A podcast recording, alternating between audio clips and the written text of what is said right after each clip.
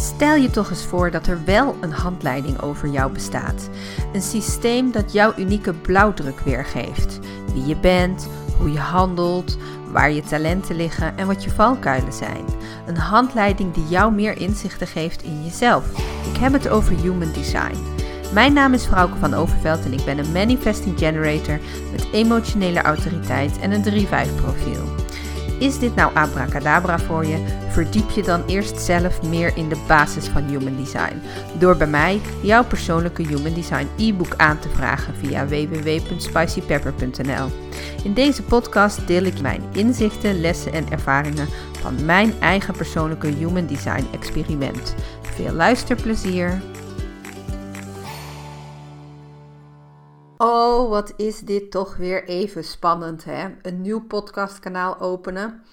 Voor mij is dit mijn derde podcastkanaal. Uh, ik heb sinds 2018 of 19 een podcastkanaal gehad over eetbuien, zelfliefde en lichaamsacceptatie. En ik heb ook een tijd lang met een van mijn business buddies, Pien van der Most, een podcastkanaal gehad en dat noemden wij de Spiriwiri Show. en nu start ik dus dit podcastkanaal over mijn eigen Human Design experiment. En ik zeg dit zo, want je hoeft niet van mij te verwachten dat ik hier alle basiskennis van Human Design met je ga delen. Daarvoor zijn er andere dingen op het internet. Dat is namelijk heel erg veel. Je hebt binnen Human Design heel erg veel verschillende energietypes en variaties die daar achteraan aanvullend op zijn. Dus ja, dat is eigenlijk niet te doen. Hè? Voor jou is het vooral belangrijk om van jezelf te weten wat voor energietype je bent, welke autoriteit je hebt en welk profiel je hebt. Nou, als je dat, die drie gegevens eigenlijk al hebt over jezelf, nou dan kun je al één of twee jaar vooruit voor jezelf om uh, weer terug te komen naar je eigen authentieke zelf, zoals ik dat dan maar noem. Afijn, mijn energietype is de Manifesting Generator. Ik heb een emotionele autoriteit en ik heb het 3-5 profiel. De Manifesting Generator is eigenlijk een samenvoeging van de generator met manifestor vibes, om het maar even zo te zeggen. Toen ik van mezelf ontdekte dat ik een manifesting generator ben, uh, weet ik dat het vooral heel veel indruk op mij maakte.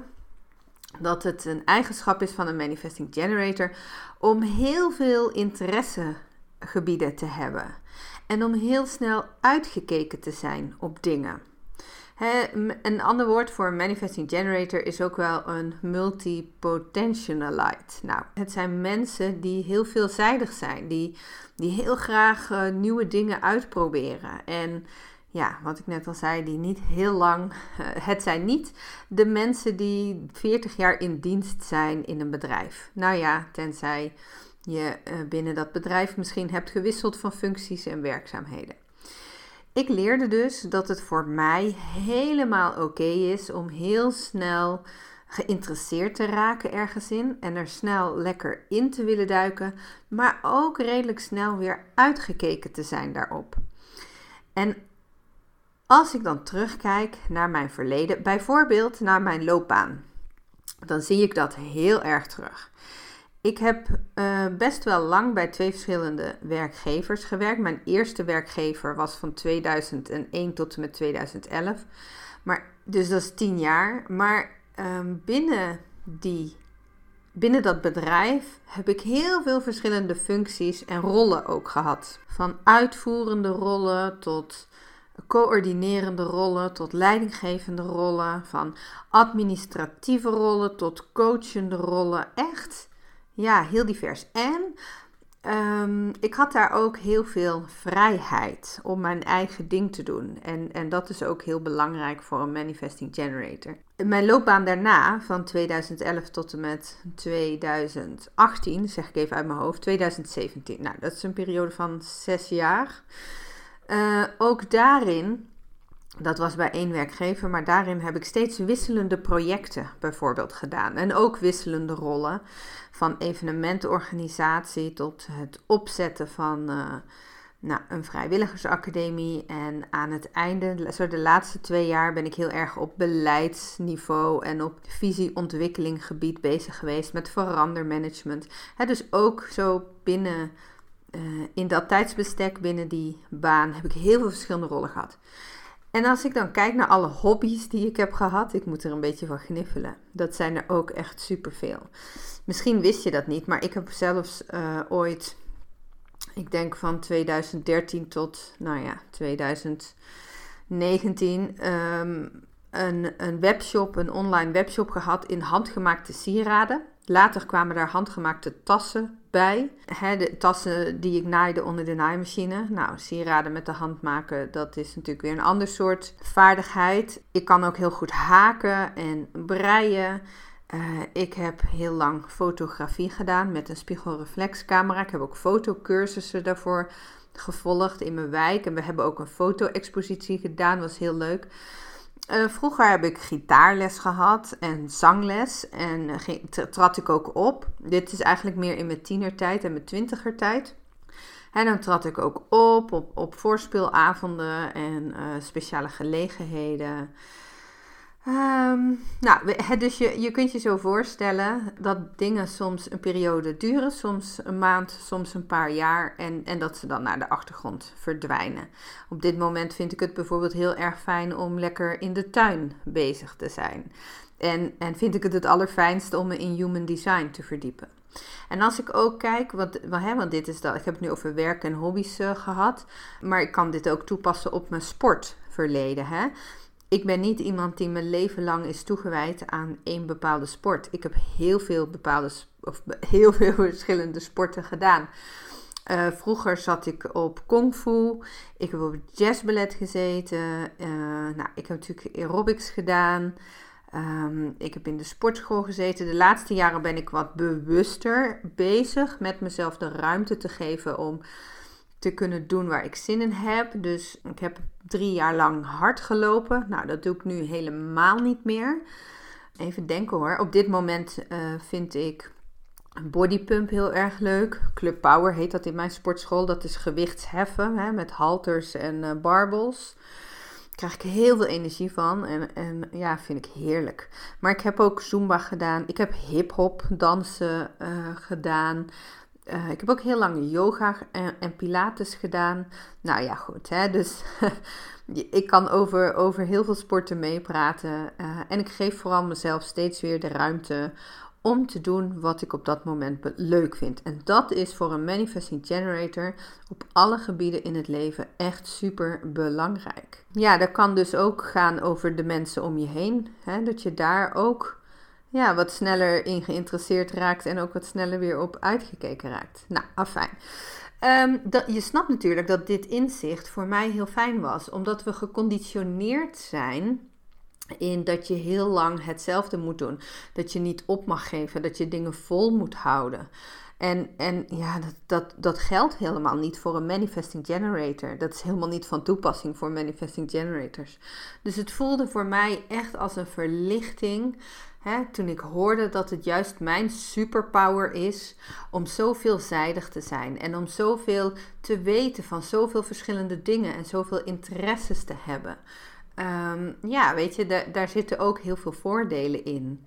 Bijvoorbeeld hè, voor een werkgever of, of in een vriendschap of in een relatie. Afijn, ik heb de emotionele autoriteit. En dat betekent dat impulsieve beslissingen voor mij uit den boze zijn. Nou kan ik best impulsieve beslissingen nemen die weinig impact maken als het gaat om wat zullen we vanavond eten of uh, hè, zullen, we, zullen we nu uh, zullen we eens gek doen en vandaag op maandagavond uh, uit eten gaan. Ja, weet je, dat, dat, dat zet natuurlijk, dat maakt niet zoveel schade. Maar ja, ik heb in mijn verleden echt heel veel impulsieve beslissingen gemaakt als het ging om verhuizen bijvoorbeeld. Of om bepaalde cursussen en trainingen aan te schaffen. Om, ja, om grote gelduitgaven te doen. Waar ik eigenlijk voor gemaakt ben om een nachtje over te slapen of meerdere nachtjes over te slapen. En ook daar ben ik nu veel bewuster mee bezig. En, en bij elke uh, ja, beslissing die impact heeft op mijn leven, zeg ik nu bij voorbaat dat ik er minimaal één nachtje over ga slapen. Uh, hè, dus dat is voor, voor mij als, als met mijn emotionele autoriteit heel belangrijk. Hè? Dus als iemand aan mij vraagt, bijvoorbeeld: Goh, vrouwke, zullen we samen een podcastkanaal starten? Dan kan ik misschien hè, in de basis denken: Oh, wat gaaf, ja, dat gaan we doen. Hè, maar dan is het toch belangrijk voor mij om te zeggen: Nou, dat lijkt me nu een heel goed idee, maar het is voor mij belangrijk om daar nog even een nachtje over te slapen. Dus ik kom daar morgen of overmorgen nog even bij je op terug. En wat er dan gebeurt, is dat ik dus heel vaak merk de volgende dag of nog een dag later, of, of ook al aan het einde van de dag hoor, dat die Viper dan niet meer is. Dat ik dan denk, wat, was ik daar nou zo enthousiast over? Hmm, oké. Eh, nou, dat ben ik dan nu dus kennelijk niet meer. En die emotionele autoriteit, die zorgt er bij mij ook voor dat ik mag terugkomen op dingen. Hè? Dat ik dus mag zeggen tegen mensen: hey, wij hebben deze afspraak gemaakt hè, om, vanmiddag samen te gaan lunchen. Hebben we vorige week gemaakt.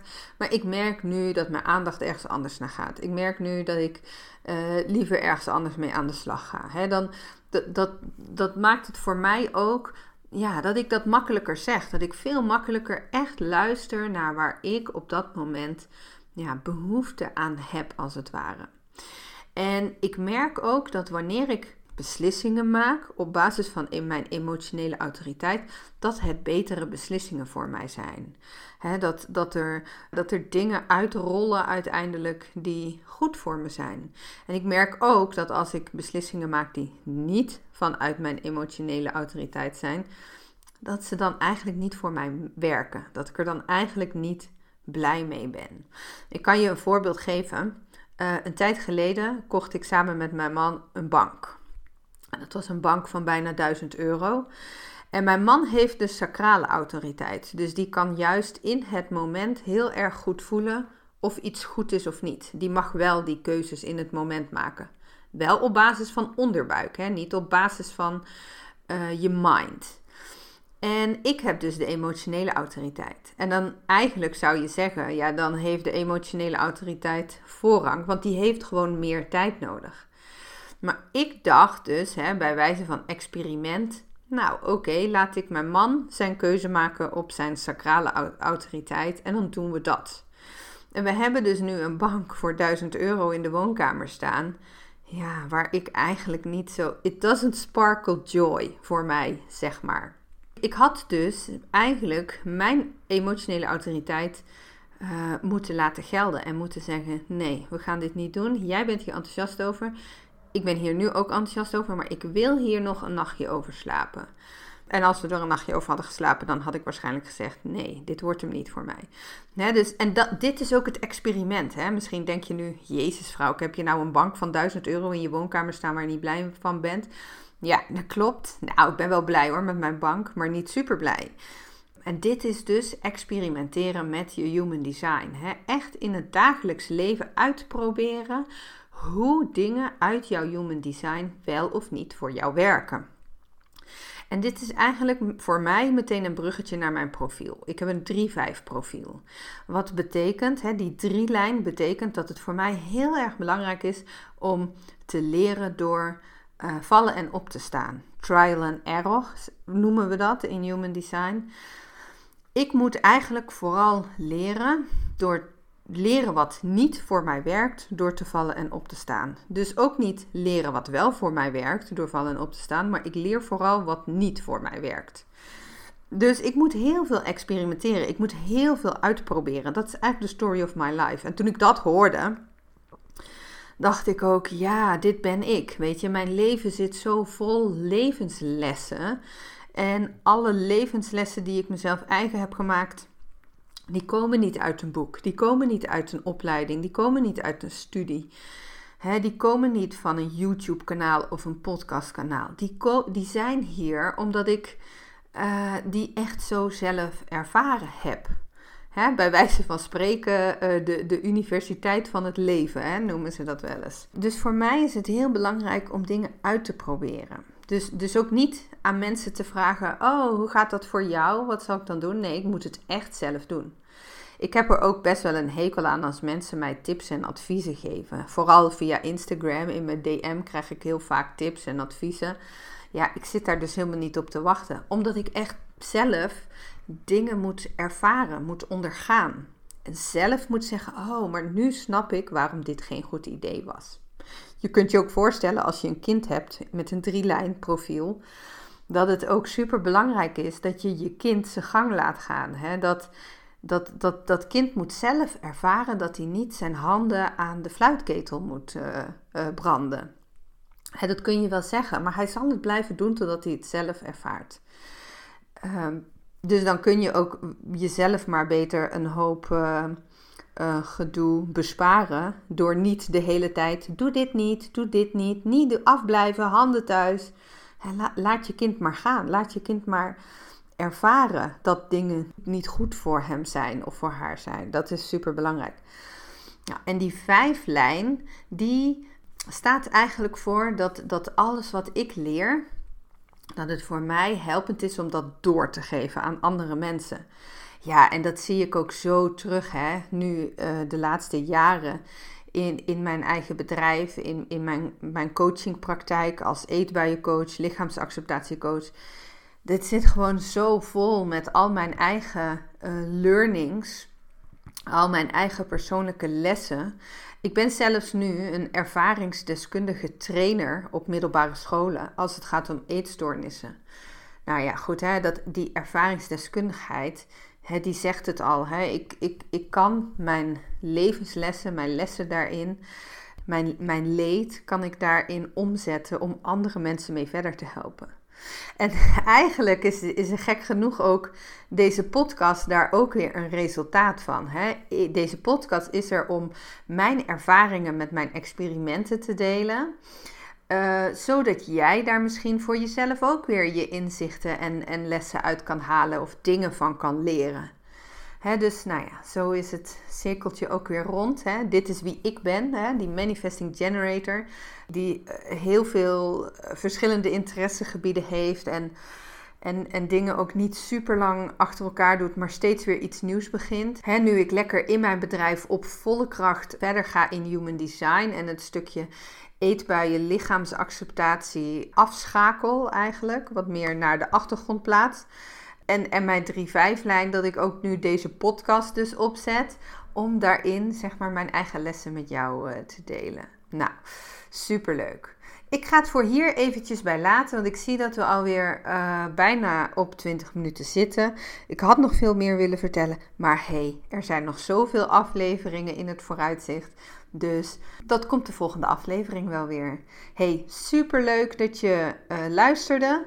Volg me ook op Instagram op Vrouwke van Overveld. Dat is mijn account en daar vind je ook informatie terug over human design. Ben je nou nieuwsgierig naar wat jouw human design profiel of body graph, zoals we dat noemen, over jou zegt? Ga dan naar spicypepper.nl.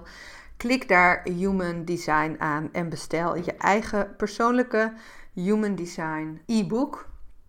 want je kunt zelf wel uh, googlen wat het allemaal voor jou is en wat het voor jou betekent. Geloof mij, 3-5 lijn, dat is echt een hele klus. En de Human Design informatie op internet is ook heel vaag en, en cryptisch. Als je bij mij je persoonlijke Human Design e-book bestelt, hè, dan hoef je dat allemaal niet meer voor jezelf uit te zoeken. Dan krijg je van mij een PDF-document van, nou ja, iets meer dan 20 pagina's, waarin een aantal van jouw belangrijke Human Design onderwerpen uitgeschreven staat helemaal afgestemd op al jouw gegevens, op jouw persoonlijke Human Design Body Chart. Hè? Dus dan hoef je ook niet meer uren op het internet te besteden om uit te zoeken wat wat nou eigenlijk betekent. Tot de volgende podcast dan. Hey, dankjewel voor het luisteren. Doei doei.